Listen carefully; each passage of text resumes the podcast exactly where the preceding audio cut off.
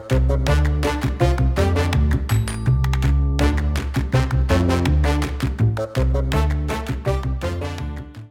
Çerezliğin yeni bir bölümünden merhaba. Bugün yine Deniz ve Ulaş'la beraber stüdyodayız. Selamlar. Öncelikle nasılsınız? Merhaba merhaba. İyiyiz vallahi ne olsun.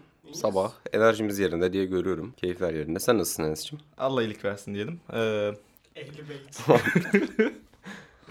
o zaman e, bugün üç film konuşacağız yine. İlk filmimiz Los Delinquentes. E, Kabahatliler Türkçe adıyla. E, yönetmenin adını söyler misin Ulaş'cığım ben unutuyorum sürekli. Rodrigo Moreno olması lazım. Bu arkadaşın yeni filmi. E, Arjantinli bir yönetmen kendisi. Filmin konusunu çok kısa açıklamak gerekirse e, film bir banka çalışanının e, şöyle bir hesap kitap yapması sonucunda başlıyor. Diyor ki ben diyor bankadaki şu e, 325 bin doları kendim için çalsam sonrasında e, itiraf etsem bunu iyi halden 3,5 sene yatarım. 3,5 sene hapishanede yatmak mı yoksa 25 sene bankada çalışmak mı? Çünkü bu parayı çaldığım parayı 25 senede çal- çal- e, 25 sene kazanamayacak bile zaten. Yok tam onun Yok, emekliye kadar kazanacak. Öyle öyle mi? Tam olarak onu alıyor, evet. unut- Unutmuşum ben. Ya böyle bir e, fikir ve bunun üzerine kurulmuş bir film var karşımızda. E, Ulaş taze izle- izledi. Ulaş'tan başlayalım. Ya ben başta filmin şey fikrini sevdim. Hani bankayla e, hapishaneyi bu, o bürokrasiyle hapishaneyi bir tutmasını. Hani bu bürokrasiden kaçmak için hapishaneye girmeyi tercih etmesini. Çünkü 3,5 yıl hapishanede yatmak gerçekten 25 yıl bankada çalışmaktan daha mantıklı geliyor. Filmi bence iki parta ayırmak gerekiyor. İlk kısım soygun kısmı, ikinci kısımda o soygundan sonraki devam eden işte flashbacklerle dönen hikaye. E, ilk kısmı ben daha çok sevdim çünkü ilk kısımda hani o absürtlüğü de veriyor sana biraz. Yani bir soygun var ama bu soygun hiçbir izlediğimiz filmdeki gibi değil. Adam direkt giriyor, çantaya koyuyor. Kamera olduğu halde çantaya koyuyor. Kameraya bakıyor ve çıkıyor. Zaten daha sonrasında açıklıyor ben bunu itiraf edip 3,5 yıl hapse gireceğim diye. O kısım benim daha çok hoşuma gitti. Kompozisyonun, mizanseni falan hani şehrin içinde geçmesi ve Buenos Aires'i bence çok güzel kullanmış yönetmen. Karakterlerin birbiriyle ilişkisi vesaire onu kurması ve kurduğu yeri bir noktada birinci partın sonunda bitirmesi bence güzel olmuş ilk partta. Ama benim için sıkıntılar ikinci partta başladı. Yani o flashback'e, e, o aşk hikayesine flashback yapmaya bence hiç gerek yokmuş. Benim için orası çok düşürdü filmi. Ve oradan sonra biraz hani e, film 3 saat de süresini hiç hissettirmedi bana. Ama o ikinci parta geçtiğimiz andan itibaren biraz hadi bitsin moduna girdim. Çünkü bence filmi yükseltti, yükseltti, yükseltti. Ve ondan sonra bir anda flashback yaparak çok düşürdü. E, benim ilk başta yorumlarım böyle. Sonra açarız zaten. Ya ben de şey ekleyeyim. Ya filmi gerçekten ilk fikri muazzam. Belki de hani çok da fazla denk geldiğimiz bir şey de değil yani. Hani sonuçta bir soygunu yapayım ve bu para e, yani hapiste geçireceğim süreye değer. Çünkü yani bu sistemin içinde özellikle işte bunu bankacılık olarak seçmiş hani. Bu sistemin içinde senin o köleleştirilmiş belki de iki, iki tane deftere imza atarak tüm gün orada oturarak işte rezalet bir iş yaparak 25 yılını vermektense adam gerçekten hani hayatına belli bir anlam katıp belki biraz eğlence katıp e, o şekilde yaşamayı tercih etmek fikri çok hoş. Zaten işte sonrasında bunu bir arkadaşıyla paylaşıp işte sen benim için parayı bir süre sakla işte ben çıkana kadar sonra yarı yarıya bölüşelim. Senin hiçbir riskin yok sadece konuşma gibisinden bir şey yapması. Ve bunu yaparken ki işte banka ve ev arasındaki o Buenos Aires'i kullanma şeklini ben de çok beğendim.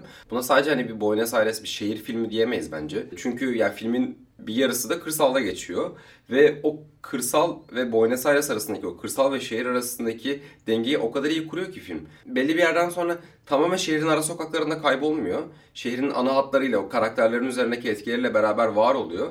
Ama zaten o karakterler biraz daha kırsala gitti mi zaten hani böyle şey ya e, normal bankacı kıyafetleriyle gidiyorlar ya işte parayı saklamaya bir yerlere veya orada insanlarla denk gelmeye. Hani o ilk girdikleri anda zaten oraya bir ait değillermiş hissi çok var. Hani gömlekli, pantolonlu, kravatlı bir adam dağa tırmanıyor.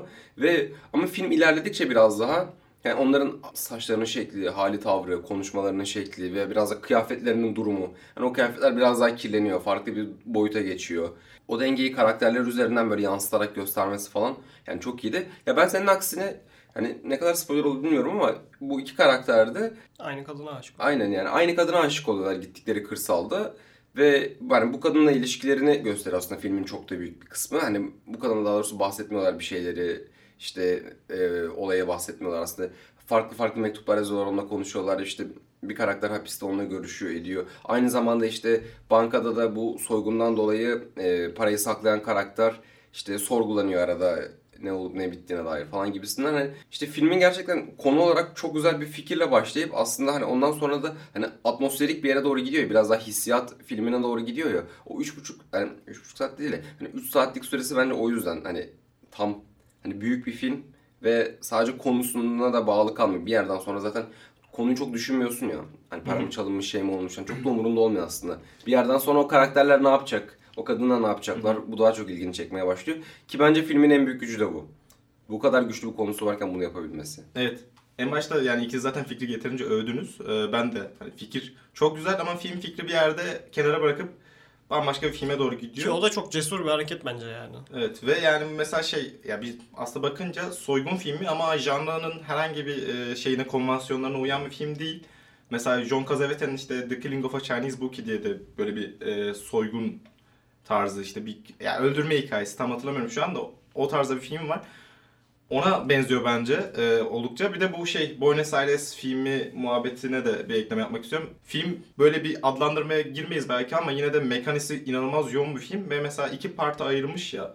E, bir kısmı işte daha Buenos Aires'te geçiyor bir de kırsal kısım var. Yani ikisini dengeliyor. Düelist bir tarafı var zaten sürekli ve filmi hani ne olursa olsun nerede geçerse geçsin mekanlar çok önemli. Çünkü film başında mesela başlarken e, bir anda işte Buenos Aires'teki binaları böyle yakın planda arkalarını hani fon bir şekilde sadece onları görebileceğimiz şekilde görüyoruz. Ve yani böyle bunları bir sekans gibi kurgulamış. Ardından kalabalıklar içinden karakterimize zoom in yapıyoruz ve böyle tam hani şehir hissini yoğun hissettiren bir şey. Mesela Good Time de böyle başlıyordu kalabalıklardan zoom in yaparak. Kırsala gittiğinde de aynı şekilde. Orada belki binalar yok ama kayalar var bu sefer. Ve kayaları hani göstermede. Yani uzun uzun onlara bakıyor sürekli. Bir işlevi olsa da olmasa da. Bu yönüyle hani orada da bir dualizm var. Böyle bir dengeleyen bir taraf var. Ben onu sevmiştim. Bence arada şöyle bir farklılık da var. Şehri gösterirken her şey çok daha gerçek. Bankada hani çok bankadaki diyaloglar veya yemek yedikleri ortam hani çok daha hani hayatın içinden ve hani bu hayatın o pis gerçekliğiyle beraber ya. Ama ne zaman ki o işte kırsala gittikçe, doğayı falan gösterdikçe biraz daha mistikleşiyor ya film. Rüyalaşıyor. Aynen. daha. Filmin tonu bayağı bir mistikleşiyor. İnsanların havası, konuşmaları, atmosfer, ışığın kullanımı bile bayağı değişiyor. Ya ben de şunu ekleyecektim. Deniz oradan iyi pas attı. Zaten film iki partiye ayrıldı. İlk kısmında e, şehirde geçen kısmında da sıkıcı bürokrasiyi, banka içinde kendileriyle konuşmalarını, işte ilişki sorunlarını vesaire görüyoruz. Ama ikinci kısımda Deniz'in dediği gibi bir idilik, ütopya tarzı bir şey görüyoruz. Hani daha pastoral, daha rüyaya yakın yani işte birbiriyle konuşmaları vesaire. Evet, ışıklar da mesela tam öyle yani. Güneşin böyle aydınlattığı çıplak bedenler. Soğuk sıcak gibi- ayrılıyor evet, yani. Suya böyle şıp şıp girmeler çıkmalar. Yapay mesela ışık çok az kullanıyor Ge- zaten. Geçen O sene. İstanbul Festivali'nde bir tane film görmüştüm. Human Flowers of Flesh e, ve Helena Whitman diye bir yönetmenin. Böyle çok fazla film çağrıştıran bir film olduğu için bir sürü film örnek veriyorum. Işık kullanımı tam olarak yani renk kullanımı ona benzeyen bir... Bunun dışında yine bir tane daha film var aklımda onu da isim vermeden geçmeyeceğim. Magnetic Fields. Bu da Yunanistan'da çekilmiş bir film. His olarak çok benziyor. Böyle izlerken hani bir sürü film çağrıştırır. Onun dışında bir film böyle bir fikri hani en başta dedik ya hani en baştaki fikrini bırakıp bir anda aşk hikayesine dönüyor. Ki aslında oradaki o aynı iki adamın aynı kadına aşık olması vesaire çok sıkıcı klişe bir şey. Ama hani bunu düşünmeyi bıraktığın noktada hani o aslında sadece onların geçirdiği vakit. Hani onlardan bir böyle bir çok anlam aramadan sadece izleyip hani o işte hisse ortak olmaya çalıştığında ya tıpkı tatile çıkmışsın gibi hissettiren bir filme de dönüşüyor. Ama ya öte yandan bazı şeyler var ki gerçekten e, çok çocukça ve çok e, bayağı duran. Mesela bir şey iki sahnede şeyi kullanıyor bu dualizmi yine kurmak için. Ortadan böyle bir çizgi film ekranını ikiye bölüyor ve iki karakteri işte aynı şeyi yaparken biri hapishanede sigara içerken biri dışarıda sigara içerken aslında ikisi de hapsolmuş işte ikisi de aynı durum içinde falan diyen bir e, plan. Ama yani gerçekten onun o çizginin ortadan böyle yavaş yavaş gitmesi vesaire o kadar öğrenci filmi işi duruyor ki. Veya ne bileyim bazen zaman zaman bir anda out of focus bırakıyor ekranı. Bakıyorsun bir, bir karakter falan gelecek zannediyorsun. Genelde böyle şeyler için kullanılır bu tarz şeyler. O da gelmiyor falan böyle. Yani filmi bana versen birkaç saniye Ya, çevir- çıkarsam Ben, daha iyi yaparım. ben katılmıyorum ya onlara. Ben Bence de- kalması daha Ben katılıyorum Enes'e. Bence filmin kurguda biraz daha işi varmış. Yani çok raw cut yapmışlar. Hani sahnelerin Ya- birbiri içine geçişi çok garip. Son, son yarım saatte ben de birkaç tane atarım ama onlar beni o kadar rahatsız etmedi. Ya beni O çok rahatsız o etti. kadar bence amatör duruyor ki. Bence hatta kurguda bir sahne bir sahneden önce gelmeliydi. Yani spoiler e, vereceğim burada. Şeyi gördükten sonra hapisteki adamın flashback aşk hikayesini gördükten sonra o kadın romana o adamın şeyini veriyor ya planı veriyor ya orada öğreniyor. Ben olsam kurguda o sahneyi ilk başa koyardım daha dramatik bir yapı yaratmak için daha sonra flashback'e geçerdim. Evet Bir ama seçim tabii ama bu hani, da bu da çok hani filmin kafası bu değil ya bence biraz. bilmiyorum. Ama bir yandan da şey yani filmin kafası bu değil diyebilirsin de e, o kadar hani o bir anda şok etkisi yaratmak üzere tasarlanmış ama hiç de yaratmayan bir sahne ki Evet. gereksiz yani bir anda mektup geliyor hikayenin gidişatı bir anda değişiyor ve niye şimdi ikisi aynı kadını seviyor ve bu bir şok mu yaratmalı bizde kadın Biraz- en güçlü yan karakter bir anda çekip gidiyor mesela çok yani altını doldurmamış bence o karakteri o kadar kurdun bu şekilde bırakamazsın bence. Çok fazla subplot kuruyor filmde ve bu subplotların hepsini bırakıyor bir yerde. Bence yani şöyle bir şey de var. Hani zaten biraz daha işin melodramatik kısmını yükseltmek istese zaten en baştaki o güzel fikri daha heyecan verici çeker de gibime geliyor bana. O güzel fikri daha fazla işte seyircide hani heyecan yaratacak biraz daha oha, oha, çok mantıklı çok mantıklı. Genelde işte bir Amerikan filmini izlerken şey olur ya gerçekten iyi bir fikir varsa senin hissedebileceğin maksimum şeyi hissedersin o fikirden. Çünkü o anlatıyı çok iyi bilirler. Ya ama aslında bu filmin o melodramatik kısmıyla çok uğraşmaması en baştan beri bence aynı çizgide devam ediyor. O yüzden bana garip gelmedi yani. Hani en başta o fikri öyle yapsa, Benim hani daha doğrusu diğer şeyler öyle yapsa. Olup olmaması değil ya. O senaryonun akışı içinde yani bir anda geriye dönüp bu kadar Ge- uzun vakit harcamak Geçiş e, çok sert gelmiyor. ve çok uzun. Yani Bilmiyorum. öyle olunca da filmden beni itti biraz hani çünkü o hikayeye odaklanmıştım bir anda bambaşka bir hikayeye geçti ve çok sert geçti o beni itti. Bir de e, şeyi eklemek istiyorum ben. Letterboxd'da ve Twitter'da falan sürekli gördüm bu filme slow sinema diyenler olmuş. Slow sinema böyle bir şey değil. Evet evet bence Suat zaman- Sinema örneği denmez. Son olarak şey demek istiyorum ben filmin de mizah tonunu da çok sevdim ben yani şey sahnesinden bahsetmek lazım. Çocukların evet, evde e, bu roman mıydı? Aynen onun eşinin ders verdiği çocuklar var ya orada su isteyen bir çocuk var mesela. Evet, kurduğu ama. böyle hani üçlü böyle o çocuğun su istemesi üzerinden Bir de böyle simetrik bir şey de var ya. Evet, orada. evet. Ölmüş hallerini falan da görüyoruz. ucube bir hani komiklik yaratıyor oradan ve ilginç de bir info vereyim. Bu film pandemiden önce çekilmeye başlanmış.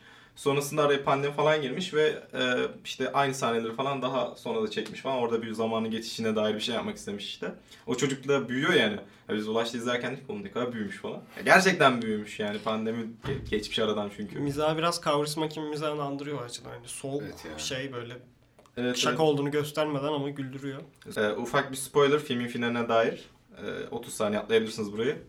Ya filmin finaline bence bir şey yapmak, alkış etmek gerekiyor. Çünkü ikisi hani soygundan sonra buluşup işte paraları aldık ve mutlu bir hayata gidiyoruz gibi bitmiyor da e, hapisten çıkan adam geldiğinde o hayal ettiği yerleri yıkık dökük buluyor ve atla çayırlarda dolaşıyor. Diğeri ise onu beklerken gündüzü gece yapıyor ve işte çadır kurmuş, ateş yakmış falan.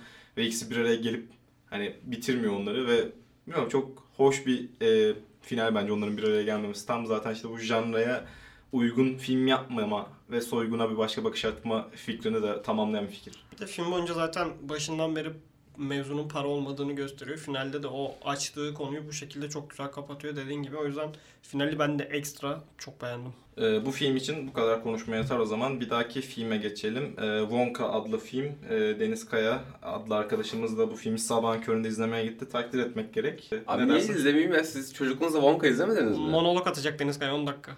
Wonka izlemediniz mi siz çocukken? Gerçekten. Arkadaşlar 10 Şey dakika olsun. ileri sarabilirsiniz. Deniz İzledik de bir yerde bırakmak gerekiyor böyle şeyleri. Aynen. Ben Wonka'yı izlemedim hiç bu arada. Okudum, çok okudum. 10-12 kere falan okumuşumdur kitabını ama hiç çok izlemedim filmi. Timuçin Şerleme oynarsa bal olsa unut. Valla film benim beklentimden daha iyiydi. Benim hiç beklentim yoktu bu arada.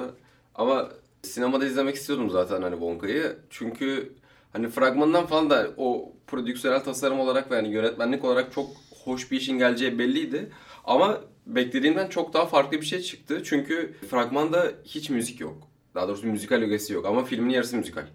Ve Onda da şey çıktı hatta. E, hedef seyirciye müzikal izlettiklerinde geri sekiyormuş. O yüzden Evet, artık evet. fragmanlarda kullanmıyorlarmış onu. Aynen. E, müzikalden millet ölümüne korkuyor çünkü. Gerçekten izlemek istemiyor yani müzikal diye pazarlanınca. En son La La Land galiba hani müzikal olup da şey sevildi edildi. Ya bu filmin bu o atmosferi kurduğu dünya falan gerçekten ilk filmden yani Tim Burton'un filminden bir milyon kat daha iyi. Ben gerçekten hani çocukluğumu hani her ay izlerdim o filmi sürekli sürekli sürekli. Tam olarak hani bizim çocukluğumuzun filmi. Bu daha iyi olmuş, şu anlamda daha iyi olmuş. Hikaye zaten daha öncesine geçiyor. İşte Wonka'nın o şehre gelip çikolata fabrikasını açma şeklindekine geçiyor. Yani bunu sadece e, düz bir şekilde anlatsa işte şöyle oldu böyle oldu işte dramatik bir yönden anlatmaya çalışsa daha zayıf kalabilirdi. Ama işte Wonka'yı biraz daha müzikalle bağdaştırıp o müzikalin yarattığı şey var ya büyülü dünya var ya işte bir şeyler patlıyor. Herkes aynı şekilde senkron bir şeyler yapıyor ve etki oranı çok daha yüksek oluyor yani sahnelerin. Hani bunu özellikle gerçekten hani iyi bir yönetmenlikle yapabiliyorsan normal anlatıdan çok daha fazla yarar sağlayabiliyorsun hikayene göre. Burada bunu kullanması hani karakterler de bu arada e, Timothée Chalamet falan bayağı iyiydi bence. Bence yani cuk olmuş Wonka karakteriyle. Her yerde oynuyor zaten. Aynen. Ama bu kadar iyi olacağını beklemiyordum. Yani gerçekten hani film gerçekten ben hani severek hype ve o halde ilk kez bu kadar hani bekle bu sene yani hiçbir beklentim olmadan girip de severek çıktığım bir film oldu.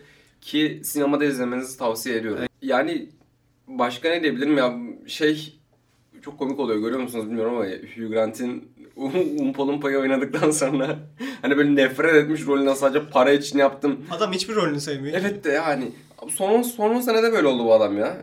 Böyle değildi bu adam hani ya Love Actually öylesine yaptı bir şey oldu falan filan diye böyle onun para için yaptı. Notting Hill'de oynadıktan sonra bir kafayı kırdı o.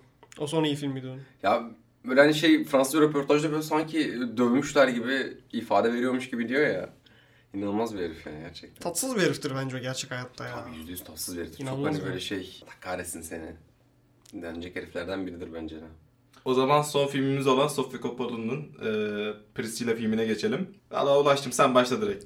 Ya ben filmi beğenmedim. Ee, filmin konusu Elvis'in eşi olan Priscilla'nın hayat hikayesi. Zaten e, Sofia Coppola Priscilla'nın kitabından uyarlanmış filmi ve onunla birlikte çalışmış. Filmde de bu hissediliyor. Geçen sene çıkan Elvis'in aksine Priscilla burada gerçek bir karakter yani. Ama ben yine de filmi beğenmedim. Çünkü film her ne kadar şey olsa da Priscilla filmi olsa da Priscilla filmi gibi hissettirmiyor. Yani iki saat biz Elvis'i izledik ve Priscilla'nın acı çekmesini izledik. Ki bence amaç da buydu.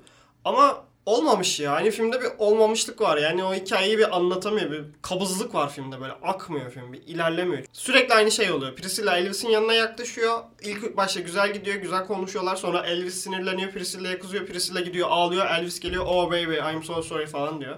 Baba ne izliyoruz ya? İki saat bu izlenir mi? Yemin ederim her pilot aynı. Filmin başı Elvis'le tanışması hani o çocukluk aşkı diyeceğim burada tırnak içinde. iğrenç bir hikaye bence. Hani falan o bir çocuğun bir stara böyle kapılması, Elvis'in ondan ne kadar yararlandığı, hani onunla oynadığı vesaire oraları bence çok iyi vermiş. Ama e, Priscilla eve geldiği an ve ondan sonrası olmamış. Mesela filmde olmamışlıklar. Bir, Elvis'in arkadaşları.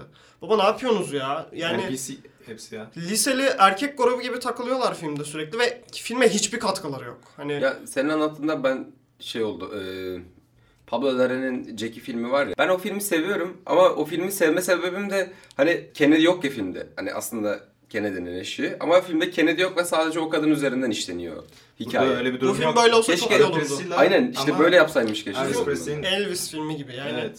Ve hani o arkadaş grubunu geçtim. Bir de ekstra olarak ben ş- e, şeyi de biraz görmek isterdim. Hani o Graceland'ın içinde Priscilla'ya olan bakışları. ilk başta onu biraz veriyor işte.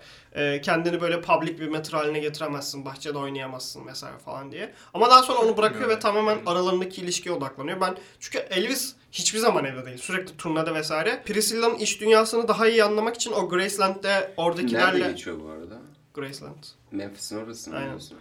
e, Graceland'de orada yaşayanlarla olan ilişkisini daha çok görmek isterdim. Çünkü Priscilla'nın iç dünyasına dair film ilk başta bir şeyler veriyor.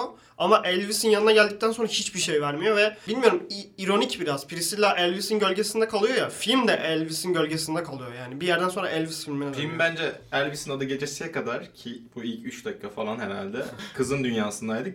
Hani öyle ki böyle klasik şey yani Sofia Coppola ışık kullanımı diyeceğimiz böyle işte Virgin Suicide'da gördüğümüz böyle hem parlak hem böyle pembe işte güneşin böyle kameraya bayağı yansıdığı tarzı bir ışık kullanımı var ya böyle diyorsun ki işte küçük bir kız işte yani Batı Almanya'da asker çocuğu ama ona rağmen işte bu tarz bir iş dünyası var falan. Ee, sonra işte bir yanda birisi geliyor ve seni Elvis'le tanıştırayım mı diyor. Oradan sonra tam da senin dediğin gibi yani Elvis'in yokluğu ve işte varlığı sürekli bunun üzerinden ilerliyor film.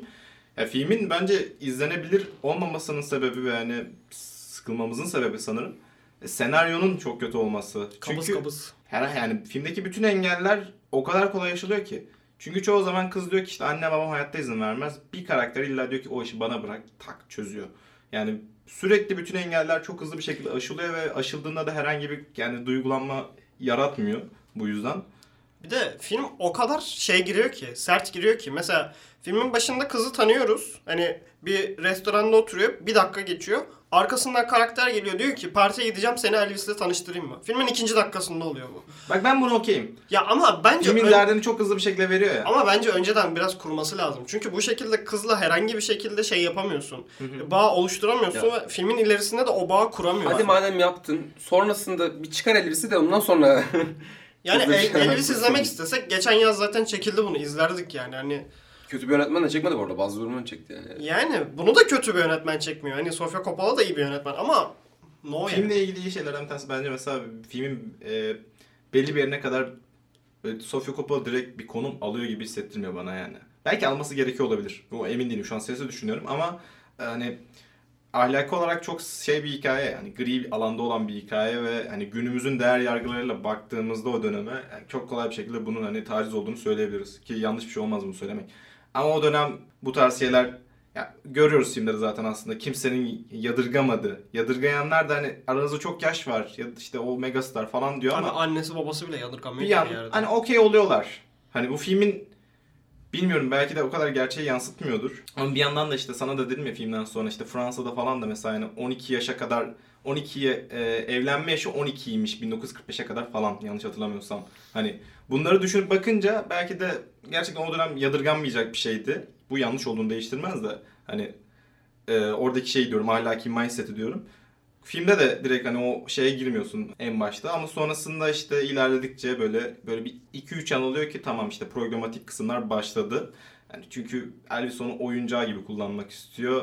Ben aradığımda orada olacaksın. Kariyer mariyer yok. Sen benimsin. Hani ben ne istersem o falan tarzı. Ama Sofia Coppola'nın belki yani en orada kadının tarafını tuttuğu en yoğun sahne de herhalde finali olur. Ee, orada bir anda işte hani Bırakın. ben gidiyorum diyor ve komple gidiyor. Ve orada da mesela herhangi bir engelle karşılaşılmıyor. Yine hani aslında çok hızlı bir son bence. Bir his de bırakmıyor. İşte ben orada şeye geleceğim senin dediğin gibi. Film senaryosu yazarken çok basit olarak bir çatışma kurman gerekir ve o çatışma hani ana çatışmanın etrafında küçük çatışmalarla filmi ilerletmen gerekir. Burada ana çatışma çok net bir şekilde var. Elvis ve Priscilla hani orası okey. Ama filmde küçük çatışmalar yok. Ve bence filmin sıkıcı olmasının sebebi de bu. Çünkü Enes'in dediği gibi her şey çok çabuk çözülüyor. Ya Priscilla küsüyor, Elvis geliyor, oh baby diyor, çözülüyor. Yani annesi babası izin vermiyor, Elvis arıyor, çözülüyor. Ne bileyim. Bence eksik bir film. Filmle ilgili sevdiğim tek şey Graceland'in çok büyük bir odası var, salon gibi. Priscilla'yı orada 3-4 kere yalnız başına görüyoruz Elvis olmadığı zaman. O da bence Priscilla'nın yalnızlığını şeyle dekorla birleştirerek iyi bir şekilde veriyor. Onun dışında olmamış. Ben beğenmedim. Anladım. O zaman üçüncü filmimizi de kapatalım. Ben hızlıca iki tane şeyden bahsedeceğim. Şehirde neler var, ne izlenir İstanbul'da gibisinden. Movie Fest var. 23-24 Aralık'ta İstanbul Modern'de gerçekleştirilecek. Bilet bulursanız. Aynen. Ee, o konudaki eleştirilerinizi birazdan yapın. Perfect Days, Fallen Leaves, Priscilla, e, How to Do Sex, e, After Sun ve Hatır diye bir film var. Hatır izlemedim bir tek. Perfect Days ile Fallen Leaves'i çok öneririm. Görmediyseniz mutlaka görün. After Süremiz Sun yeni film. çok bahsetmeyeceğim de. After Sun yeni film herhalde. İlk defa duydum. After Sun evet ya keşif filmiymiş galiba. CFR olarak getirmişler. Bunun dışında şey var bir de. Pera Müzesi'nde sinema verite filmleri gösteriliyor. Yani çok kıyıda köşede kalmış ve adı sana duyulmamış bir program bence. Yani kimseden duymuyorum. Ee, bundan bahsedildiğini falan görmedim. Ama yani sinema verite filmlerinden gerçekten güzel bir seçki yaratmışlar. Ee, özellikle iki film önermek istiyorum oradan. Şey Le Jolime Güzel Mayıs diye çevirebiliriz sanırım. Chris Marker'in bir filmi. 1962 yazında e, Cezayir Savaşı bittikten sonra Fransa'da insanlarla e, röportaj yapılan bir film ve çok basit bir soru soruyorlar. İşte nasıl hissediyorsun, mutlu musun? Ve bu soruların e, cevapları da e, aşka, ekonomiye, gelecek kaygılarına ve politikaya dair çok da güzel böyle bir portre yaratıyor. Gerçekten inanılmaz bir film. E, bir de Bir Yaz Güncesi var. Edgar Morin ve Jean Nouch'un. Bunlar aynı zamanda antropolog. Yani Edgar Morin antropolog, Jean Nouch da sinemacı.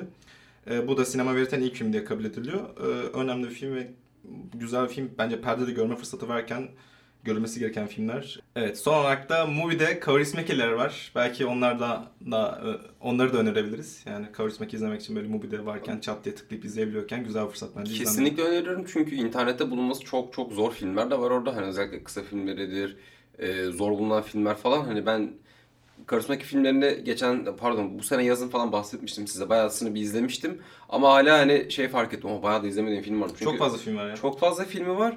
Ve şey açısından bence çok değerli. Bir yönetmeni gerçekten oturup bir külliyat olarak izlemek e, sana çok hani gerçekten iyi bir yönetmense çok farklı bir bakış açısı katıyor sinemaya dair. Bence de. O yüzden hani bu güzel bir şey. Umarım hani Mubi de devam eder böyle bir şey yapmaya. Yani Karusma kadar çok fazla filmini getirmeseler de olur. Mesela diyelim. Ya atıyorum herhangi bir yönetmenin 30 tane film varsa 10-15'ini getirseniz de yeter. Hani hepsini getirmeseniz de Bir olur. de düzgün getiriyorlar. Bunların- Türkçe haftasını koyuyorlar. Çok, Es- çok da aynen. yazıyorsun. Torrente düşmene gerek kalmıyor falan. Aynen. Yani güzel şeyler bunlar. Hani bulabileceğim filmleri vardı mesela ama Mubi'ye gelince izle, izleyesin göre benim. de. Tabii ki bir de şey bulabileceğin filmlerin kalitesinden emin oluyorsun en azından.